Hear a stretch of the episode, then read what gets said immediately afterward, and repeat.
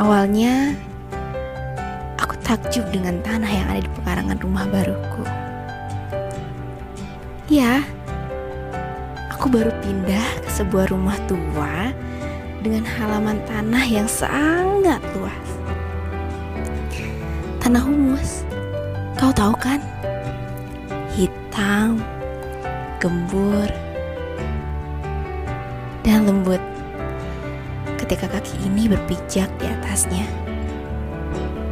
Bahkan, aku berpikir, kenapa tanah bisa sebaik ini?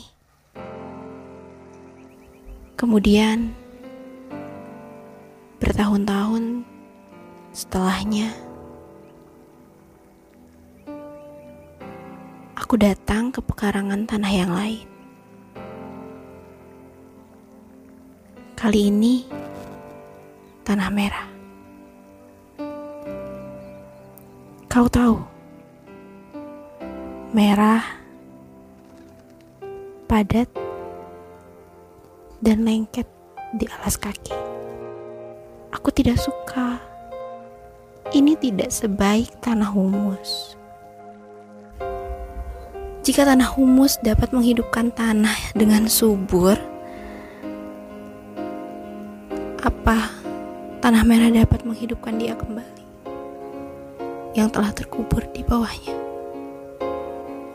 Sesering aku mengunjungi pekarangan tanah merah ini, Aku hanya dapat melihat nisan yang dapat tumbuh dan tegak.